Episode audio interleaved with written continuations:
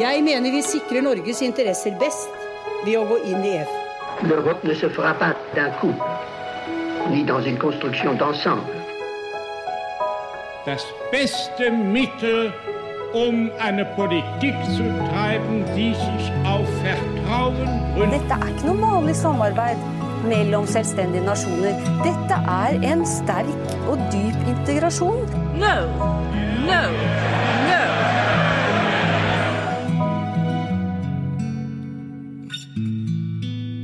Velkommen til Det europeiske kvarter, en podkast om europeisk politikk og historie med Lise Rye og meg, Kristine Graneng, ved europastudier på NTNU.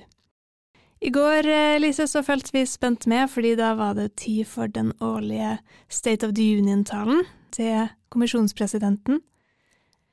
Og det er jo litt ekstra spennende nå, fordi eh, nå er vi jo i slutten av en eh, mandatsperiode. Neste år er det valg til Europaparlamentet, og da skal det også velges ny kommisjon og ny kommisjonspresident. Det skal det. Det her var jo den, eh, ja, den siste i rekka av fem, egentlig fire vel, av eh, State of the Union-taler som Ursula von der Leyen holdt. Mm, og hva er egentlig de mer State of the Union-talene? Mm. Det, det må vi snakke litt om til å starte med. Ja, det kan vi godt gjøre. Ja, det er jo, det er jo en, noe vi egentlig kjenner til fra før. Vi kjenner det fra, fra USA særlig, hvor presidenten er forplikta av Grunnloven til å komme og opplyse Kongressen, til å komme og informere Kongressen. Eh, Vi, vi kjenner det jo fra det norske politiske systemet med trontaledebatten, som har en lignende funksjon. Eh, Men i EU da, så eh, har man praktisert det her siden 2010. Det er ikke en traktatfesta plikt, sånn som det er i USA, men det er en ordning som er regulert av en rammeavtale mellom Europaparlamentet og Europakommisjonen. Og det handler jo om ambisjonen om å gjøre EU mer demok demokratisk, gjøre det politiske systemet mer legitimt, eh, mer åpent. Eh, da må makta være fordelt, og så må man ha mekanismer som gjør det mulig for Europaparlamentet å føre kontroll med Europakommisjonen. Mm. Og det her kan vi se som et, et ledd i det, den, det arbeidet, eller i arbeidet med å realisere den ambisjonen, om du vil. Mm. For det handler jo om at Europaparlamentet skal ha mulighet til å følge opp hva kommisjonen eh, driver på med. Eh, og kommisjonen er jo dem som har dem som kommer med forslaget til ny politikk og, og følger opp det som blir vedtatt. Sånn er det. Og det handler sikkert også på et nivå om å legge til rette for en åpen og opplyst debatt i, i befolkninga. Mm. Og det kan man jo spørre seg om eh, i hvor stor grad en konsekvens av denne talen. For eh, jeg var litt eh, eh, spent etter Vi, vi samla vi jo oss på, på instituttet her, vi nerdene, ja, på. Europastudier, og så debatten. Men jeg tror kanskje ikke det er så mange rundt omkring eh, i Europa som gjør det, som er utafor den her Brussel-bobla. Og, og jeg var litt spent på å se hvordan eh, de store europeiske avisene fulgte opp eh, det her. Ja. Og, og jeg sjekka dem som, som jeg, som jeg eh, kan Vanligvis følger. Ja, Mhm. em, og, og det var lite dekning. Ja. Eh, The Guardian skriver ingenting. Det er kanskje ikke så overraskende. Eh, De Welt eh, hadde en artikkel som jeg fant i dag, eh, dagen etter. Jeg har heller ikke sett noe i norske medier. Nei. Men vi, vi skal Vi snakke om her Ja. Em, talen. Og, og grunnen til at vi syns det er viktig, er jo at det her er jo en tale som sier noe om um, hva som blir sett på som viktig i EU Ja. i dag, og hva som er ambisjonene og de store sakene framover. Og, og det er jo kanskje ikke så mye overraskelser, det skal vi komme tilbake til, men en annen ting som også har vært særlig eh, interessant, og, og som det har blitt gjort masse spekulasjoner rundt men denne er jo eh, posisjonen til von der Leyen og hva hun tenker å gjøre fram eh, mot neste periode, om hun også ønsker å være kommisjonspresident etter valget i juni ja. neste år. Jeg vet ikke om vi fikk, fikk vi mange, fikk vi noen pek om det, tenker du? Vi kan komme tilbake Ja. til det Men det vi kanskje hvert. må si, Kristine, er at eh, litt sånn helt konkret så skal jo de her State of the Union-talene, de skal på en måte oppsummere året som har gått, og legge fram kommisjonens prioriteringer for eh, det kommende året, og talen holdes alltid i første del av september, når Europaparlamentet kommer sammen igjen etter sommeren. Mm. Og eh, som sagt så er jo det her slutten det siste året i en femårsperiode, der eh, von der Leyen har leda kommisjonen. Og, og da hun starta som kommisjonspresident, så la de fra et, eh, fram et program Mm. som hun også trakk fram i, i denne talen, med, med særlig tre hovedsaker. Klima, European Green Deal, digitalisering og et, geopolitisk Europa, som, som kanskje er litt sånn Jeg syns iallfall det er litt vanskeligere å få grep om akkurat hva det handler om. Mm. Men, men det er de her tre hovedpunktene som, eh, som hun trakk frem i den første talen sin, da hun introduserte eh, den nye kommisjonen, men også som hun trakk frem eh, Det var hennes program, kan vi si det? Det var det Mm. programmet hun nærmest gikk til valg på, mm. eh, for å bli Og de hadde også en liste med litt flere prioriteringer, men sånn som demokrati og European Way of Life, det har vi snakka litt om Ja. tidligere i podkasten.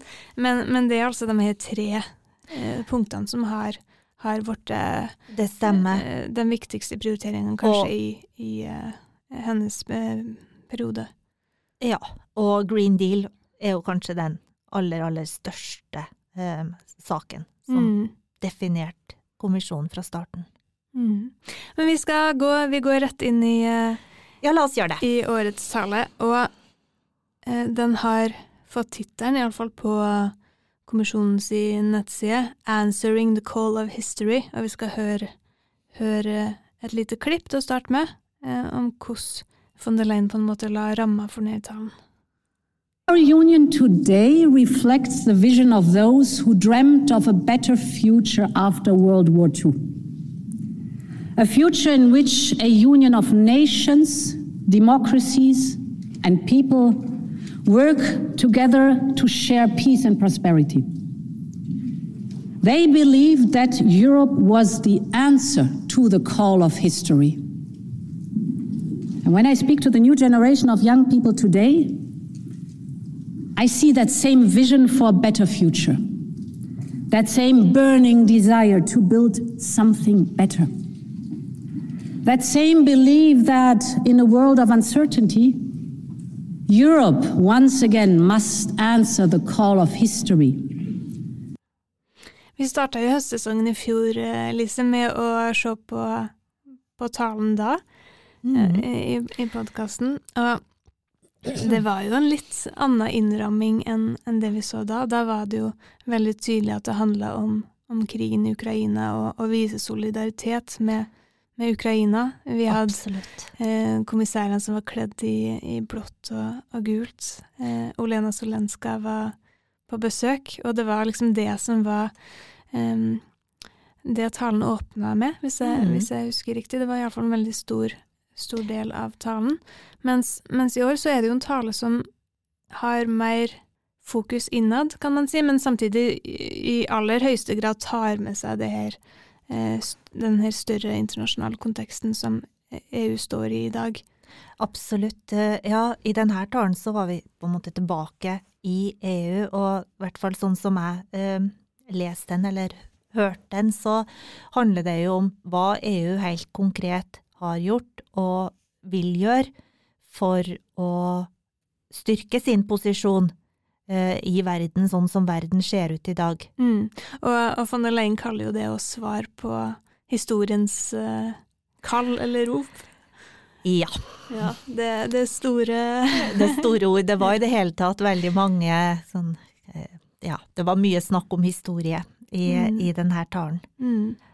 Men det var kanskje en tale som var Ja, den handla veldig mye om EU. Det var tilbake til unionen, og jeg, syns hun tegna et bilde av et nokså offensivt eh, og veldig konkret EU. Hun starta jo med å, å snakke om klima, og det er jo eh, gitt eh, programmet hennes, men også den situasjonen som eh, Europa har sett denne sommeren, med flom, med, med skogbrønner, så, så er ikke det så overraskende. Men eh, det som mange har påpekt, er jo at eh, den vinklinga hun har tatt på, på klimasaken i, i denne talen, har vært litt annerledes enn en tidligere.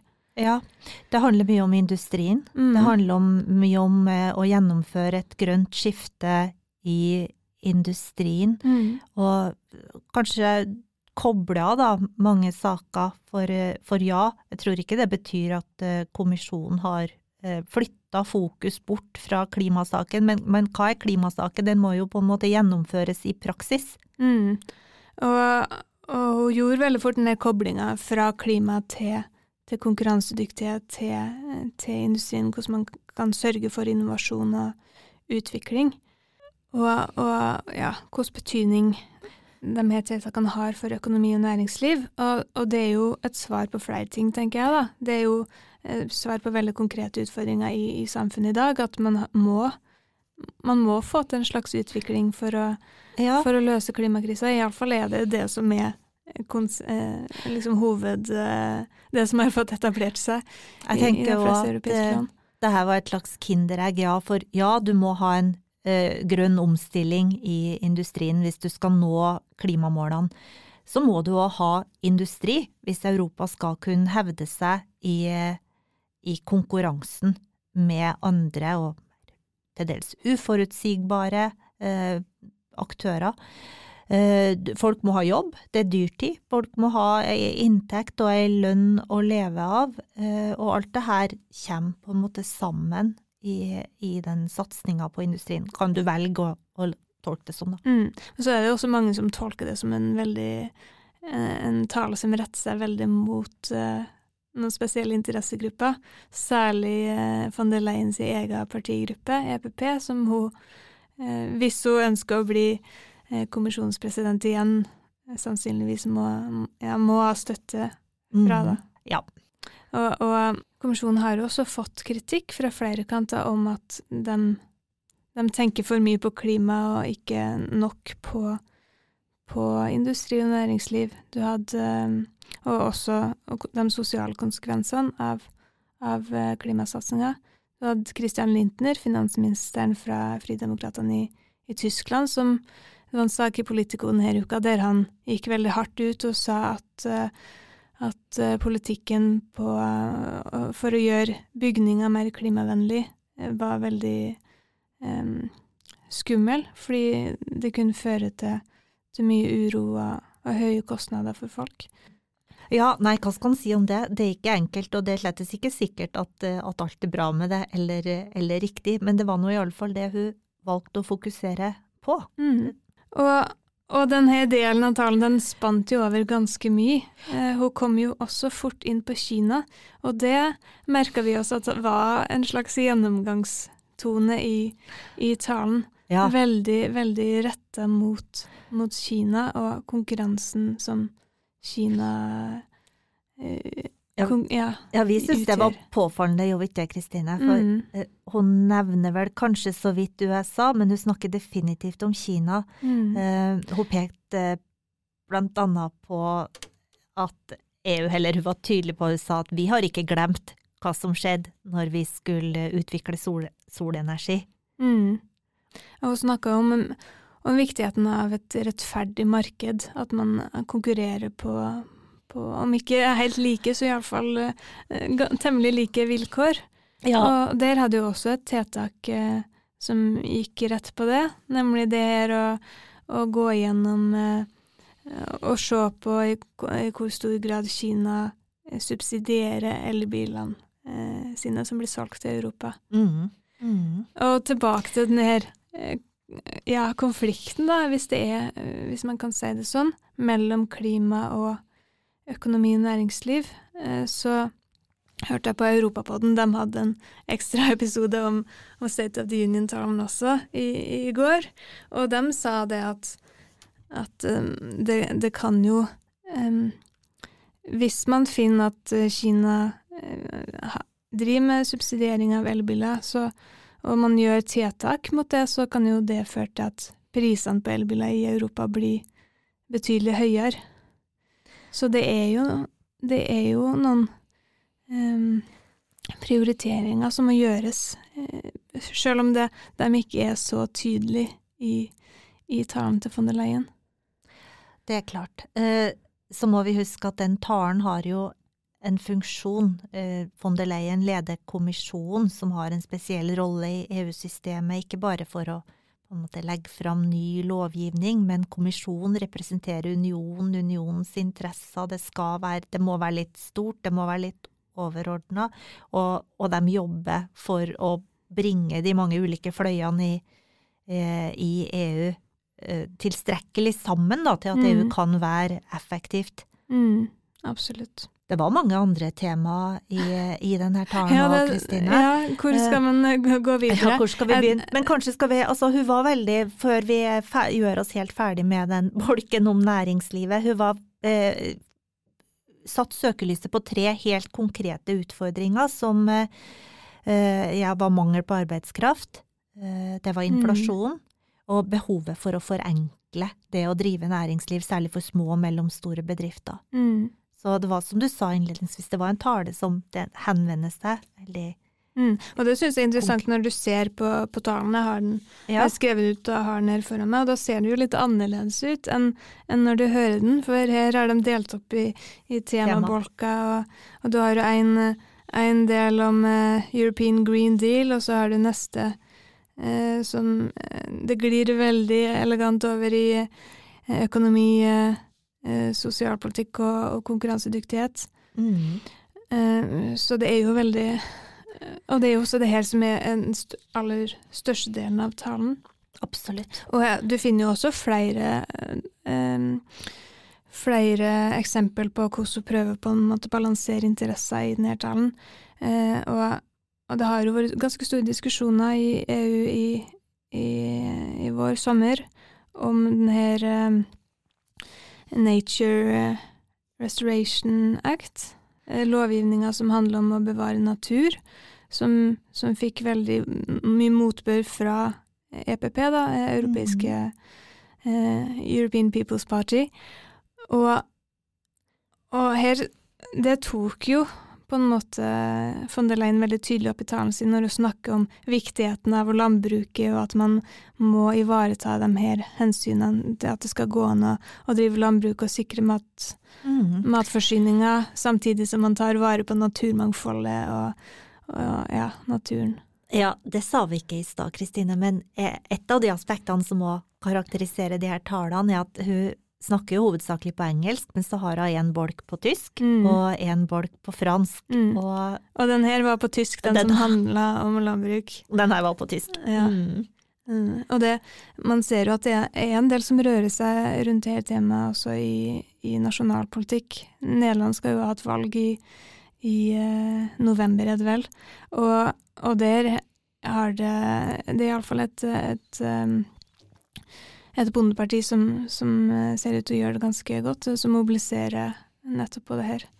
Ja. Så det blir en interessant sak å følge, som, som hun virkelig prøver å, å, Ja, for det kommer jo ikke fram i talen hennes, men det er jo, det er jo som du sier, at uh, EU det er jo mange interessekonflikter på kryss og tvers innad i unionen, men det er selvfølgelig ikke noe hun er interessert i å fronte i en sånn Nei. tale. Og hun kommer jo ikke med noen konkrete tiltak som eh, går i den ene eller andre, andre retninga i, i, denne talen.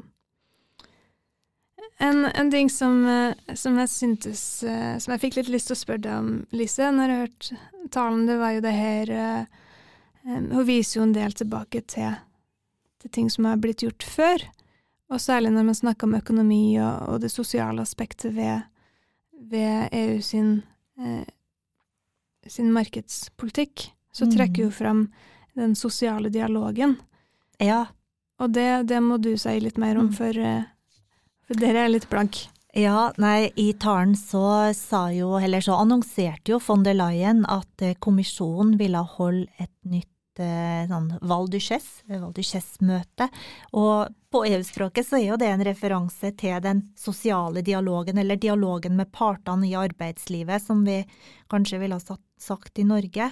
Og denne dialogen med partene i arbeidslivet, det var noe som ble initiert av en annen kommisjonspresident for ja, hva blir det for noe, snart 40 år siden. Mm. Jacques Delors, som vi jo har snakka litt om i denne podkasten før, han ble president for Europakommisjonen i 1985, og han eh, forbindes jo veldig sterkt med gjennomføringa av det indre marked.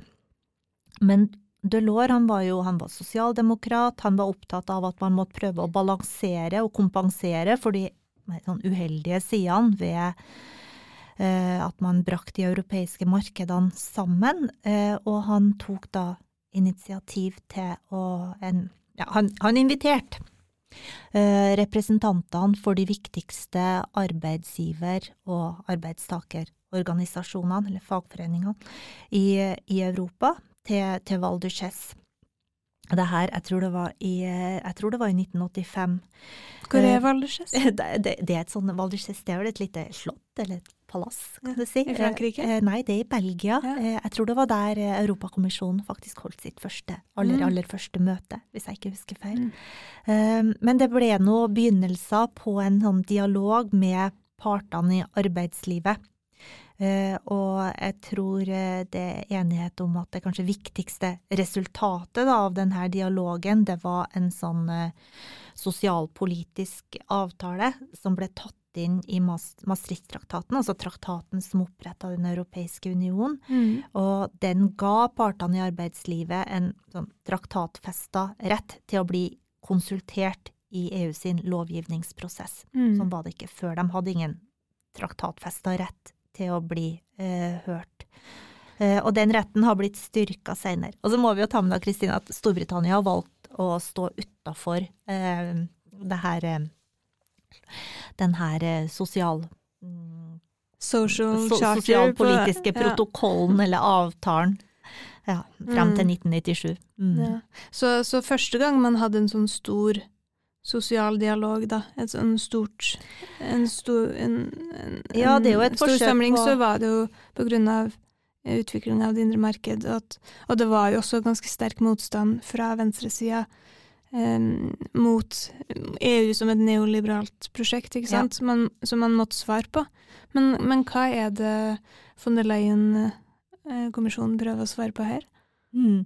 Eh, nei, det henger vel sammen med, med det vi snakka om i stad, at eh, industrien, næringslivet, er, blir betraktes da fra kommisjonens side som så sentral i, i arbeidet med å utvikle Europa i den retning kommisjonen ønsker å ta det.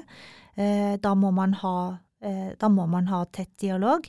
Eh, mangelen på arbeidskraft ble jo identifisert som en sånn helt sentral utfordring. Eh, det, er ikke, det, er ikke, det er ikke rart, tenker jeg, i en Mm. sånn, eh, i en sånn situasjon at man, eh, at man ser behovet for et tettere, tettere samarbeid. Man trenger å eh, få folk med seg. Mm. Ja, det er jo flere utfordringer hun pekte på.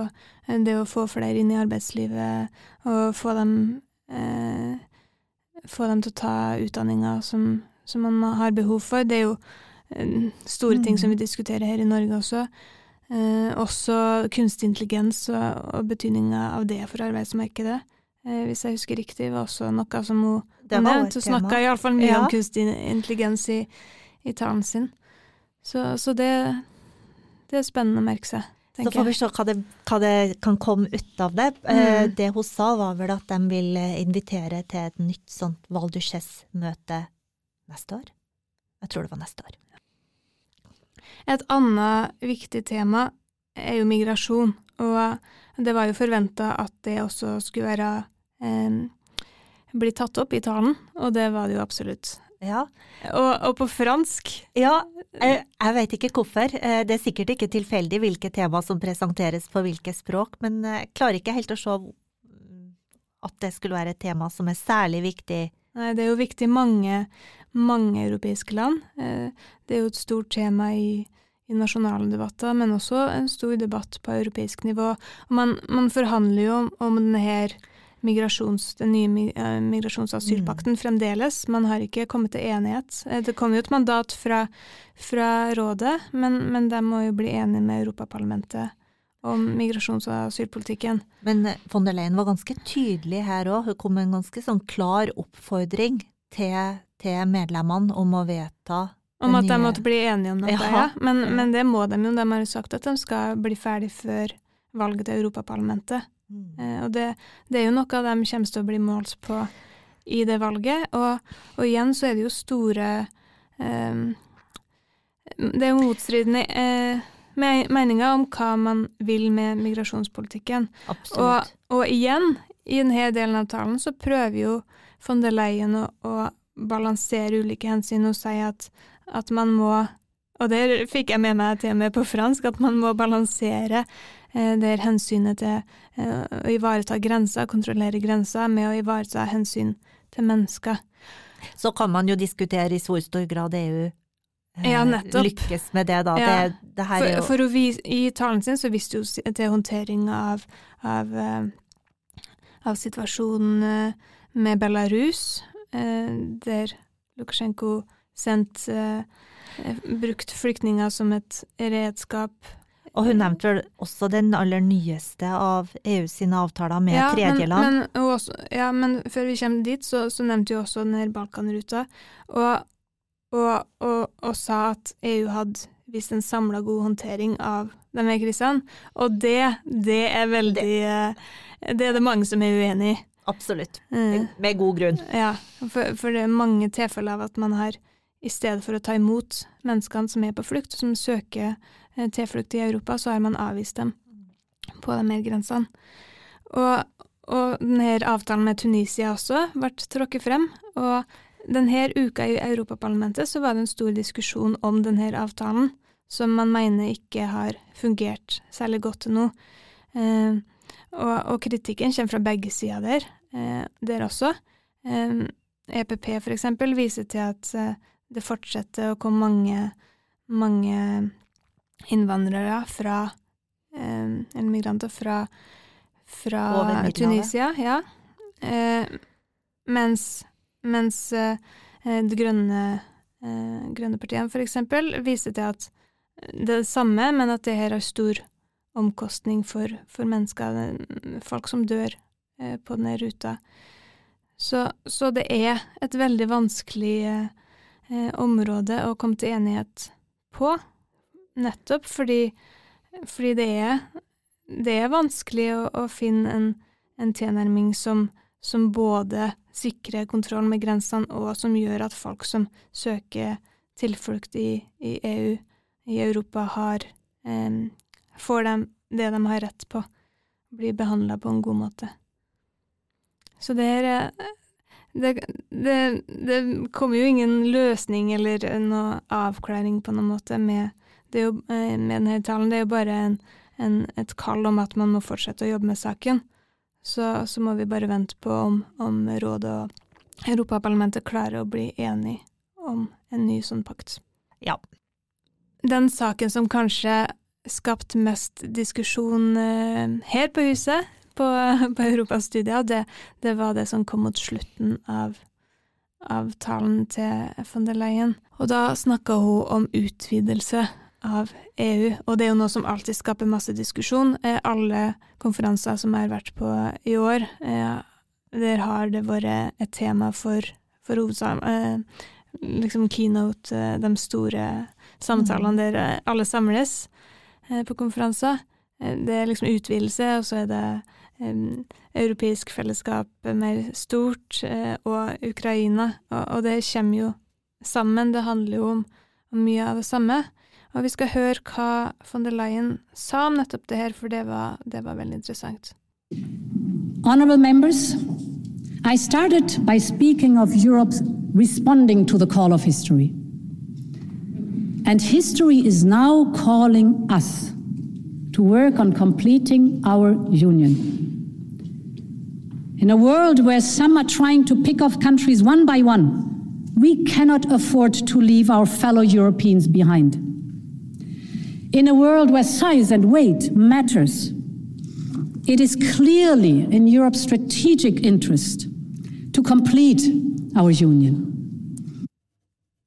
Og det, det som jeg syntes var særlig interessant, det, det er det her bruken av eh, begrepet 'complete eh, the EU', eller fullføre Ja. unionen. Ja, ikke sant. For det her er jo et sånt, eh, hva skal jeg si, et sånn notorisk vanskelig tema. For hva er nå egentlig, hva er egentlig Europa? Ja.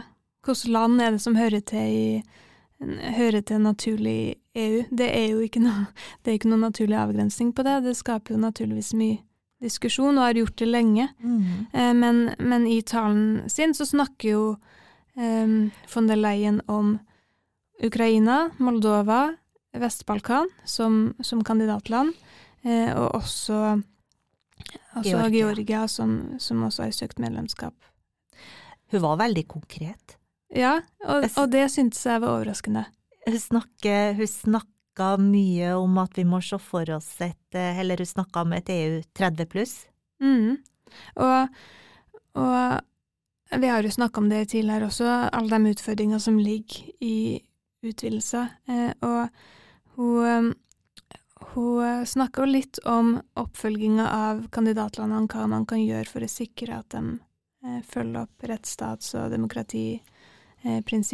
Eh, men det hun snakka kanskje mest om, var jo hva EU må gjøre for å, for å um, sørge for at utvidelse kan bli mulig. Og det har jo vært et tydelig signal både fra von der Leyen og eh, Charles Michel, som er president for eh, eh, Europeiske råd, eh, at, man, at det her er noe som skal skje, at man skal få til utvidelse. Michel har jo sagt at EU skal være klar for utvidelse innen 2030 allerede. Ja, Og, og von der Leyen går jo langt i å, følge opp den. hun var, hun var i det hele tatt veldig tydelig. Utvidelse har jo på en måte eh, EU har ikke snakka mye om utvidelser eh, i det siste. Det er jo ti år siden sist et land ble tatt opp eh, som medlem. Mm, Men hun- Kroatia. Kroatia i 2013. Mm. Eh, men det var tydelig at hun så det som strategisk opportunt for unionen å utvide. Hun snakker om en verden i sitatet du spilte, Kristine, hvor eh, size and weight matters. Mm. Um, Og da er vi tilbake til det her eh, prosjektet om eh, EU som en geopolitisk aktør. Absolutt, absolutt. Og hun var også tydelig på at fra hennes ståsted så var det ikke nødvendigvis sånn at man må ta en ny traktat før man kunne utvide. Mm. Og det er jo en av de store diskusjonene som går, hva er det som må til for at EU skal være klar for å ta imot nye medlemsland? Hva, og, og så lenge man må ha traktatendringer, så gjør jo det veldig det, de gjør det veldig vanskelig. Sist gang eh, vi fikk en ny EU-traktat, det var jo med Lisboa-traktaten, da Det var slutten på en veldig lang prosess. ja, Ja. eh, som også Man støter jo på utfordringer med at, at det må opp til folkeavstemning, at det skal godkjennes i, i parlamentet osv. Eh, Og sånn var og det jo etter at medlemslandene har blitt enige. Eh, Ikke sant? Eh, Men Lisboa-traktaten den, eh, den kom jo i stedet for en sånn europeisk grunnlov som ble Mm. forkasta av velgerne i, i Frankrike og Nederland. Mm. Eh, og Lisboa-traktaten møtte motstand i Irland, som et veldig EU-vennlig land. Absolutt. Så, så det, er, det er en krevende prosess, det der. Og, og når eh, von der Leyen sier at man kan åpne for utvidelse uten traktatendring, så, så gjør jo det at eh, man sender et tydeligere signal da, til dem som uh, står i venterommet om at det er noe man skal få til. Mm. Så, så er spørsmålet om man faktisk får det til, ja, og det er det, det er mange svar og mange innvendinger mot. Ja. Men hun viser jo også i samme, i samme vending til alt det som har skjedd i, i EU de siste årene. Hun viser til at eh, med de her 27 medlemslandene som er i dag, så har man fått til eh, starten på en helseunion. Man har fått til starten på en forsvarsunion, og, og styrka EU som en geopolitisk union.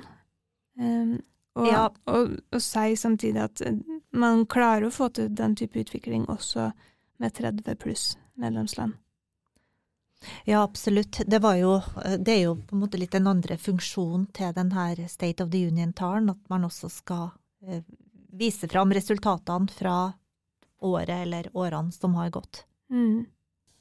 Vi starta jo med å snakke om at denne talen var litt annerledes i form og uttrykk enn en fjorårets tale, men det var jo ikke sånn at krigen i Ukraina ikke var viktig i denne talen også. Og det var jo Det var ikke så mange sånne sterke følelsesladde um, Nei, det var bare ett. ja, jeg, jeg blir iallfall ikke sånn veldig følelsesmessig berørt når man snakker om industripolitikk, må jeg innrømme. Men, men det var veldig sterkt, syns jeg, når, når hun kom til, til den delen som handler om Ukraina. Eh, For da, ga hun en historie om ei ukrainsk dame som kom med sønnen sin, kryssa grensa inn til EU. Eh, sønnen eh, spurte Mora begynte å grine, og, og sønnen spurte hvorfor. Og hun sa at eh, nå var vi hjemme Ja, i Europa. det her var jo en, eh, en forfatter fra Ukraina, hun heter for Victoria Melina, og den dagen da krigen brøt ut, så tok hun den lille gutten sin med seg og flykta til Tsjekkia.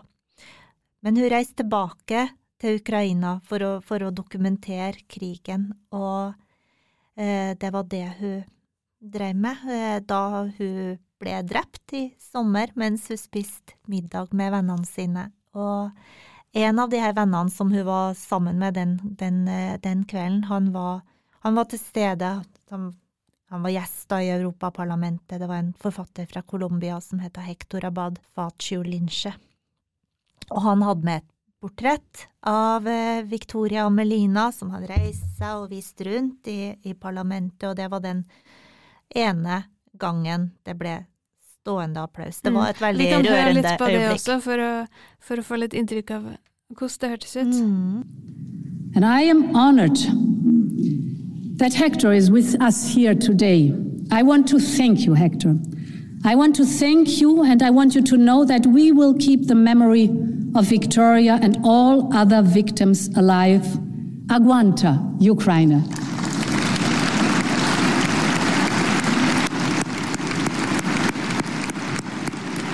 Og denne delen av talen fikk jo stående applaus i Europaparlamentet. Og, og samtidig så ga jo eh, lovnader til Ukraina om å fortsatt støtte at man skulle øke ammunisjonsproduksjonen i Europa, eh, men også gikk videre til en hel forpliktelse om, ei langvarig støtte og, og ukrainsk medlemskap på sikt. Ja, hun var tydelig på at EU skulle stå sammen med Ukraina så, så lenge som nødvendig. Eller så lenge som den, den tida det tar. Mm. Så, så hva, hvis vi skal trekke noen uh, slutninger av denne talen, hva, hva, hva er hovedinntrykket eh, du sitter igjen med, Lise? Jeg syns eh, hm, jeg syns, eh, jeg syns det var en godt skrudd sammen tale. Eh, En tale som, eh, ja, som av gode grunner, tenker jeg, eh, fokusert på utviklinga i EU. Altså hvis EU skal kun være eh, til nytte for Ukraina, så må EU være økonomisk sterk, så må EU ha et overskudd. Um, Jeg syns det var en veldig, jeg synes det var en veldig konkret tale, både med tanke på resultatene som du var inne på, Kristine, og med tanke på hva EU gjør og, og vil gjøre i det kommende året. Um, Men ikke så veldig konkrete tiltak, og, og det, det gir jo mening også. Jeg tenker, nå har ikke jeg så mye erfaring med de her tallene, og det, Ursula von der Leyen sin kommisjon er jo på en måte også den første jeg følger på denne her måten. Mm. mm. Jeg var litt for ung til å, til å få med meg den forrige, iallfall. Og kanskje ikke så ikke interessert nok. Uh, men men uh, ja, man kan jo kanskje forvente at, at det er litt sånn i, når man går inn i et siste år. Det er begrensa hva man får til å gjøre, og man prøver også å svare opp på, på, eh, på de ulike interessene som finnes. Jeg tenker at eh, nå har jo EU Vi, vi snakka jo litt om det her eh, tidligere i dag, Kristine, at eh, kanskje var man ikke ambisiøs nok. Eh, har man gått bort fra den her ambisiøse satsinga på klima? Jeg, jeg tror ikke det, men eh, EU har jo satt veldig tydelige og ambisiøse mål for klimapolitikken, og nå handler det vel om å forsøke å gjennomføre. Eh, Da kan man ikke bare Mm, pøse ut med Og, og sikre oppslutninga. og sikre oppslutninga, ikke på lengre sikt. Kjempeviktig. Og det blir jo kjempespennende fram mot valget til Europaparlamentet. Eh, Det er jo veldig trolig at, at klima på en eller annen måte blir en viktig sak. Ja, men det er dyrtid i Europa. Ja, og- ja, men det og- henger sammen. Ja, det henger sammen. Eh, så man må eh, Jeg skal si Mm. eh, Jeg tror at det blir, det blir sentralt. Mm. Eh, Og så, så er det jo der spørsmålet om hva von der Leyen tenker og, og gjør videre. Og det er mange som sier at det her er tydelig en tale som snakker veldig tydelig til von der Leyen sitt eget parti, at hun søker støtte fra FrP. Um, hun ber om en ny periode. Ja, ja. men det vet vi ikke ennå, hva, hva, hun tenker. Man kan jo spekulere masse, men det, det, er jo som vi har nevnt mange andre grunner til at, at talen ser ut som den gjør. Ja. Og, og, så vet vi jo fra før at når man skal velge ny kommisjonspresident, så kan det skje de, de mest uventa ting. Man kan gå bort fra de prosedyrene man har uh, vedtatt, og gå for helt andre løsninger. Mm.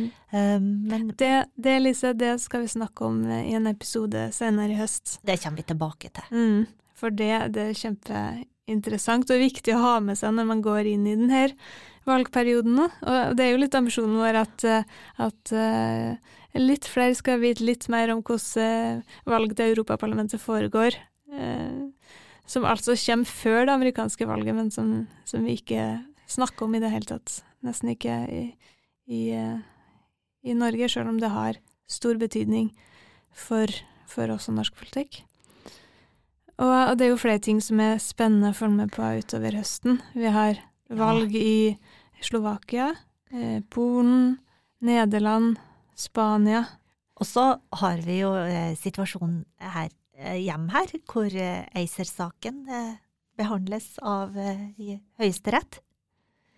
Det har vi heller ikke lest mye om, eh, Kristine. Nei, det, nei. Det, det forsvinner litt under radaren. Så, så, det er viktig å, å, være litt på hvis man skal følge med på hva som skjer i europapolitikken, og det skal iallfall vi forsøke å være utover høsten.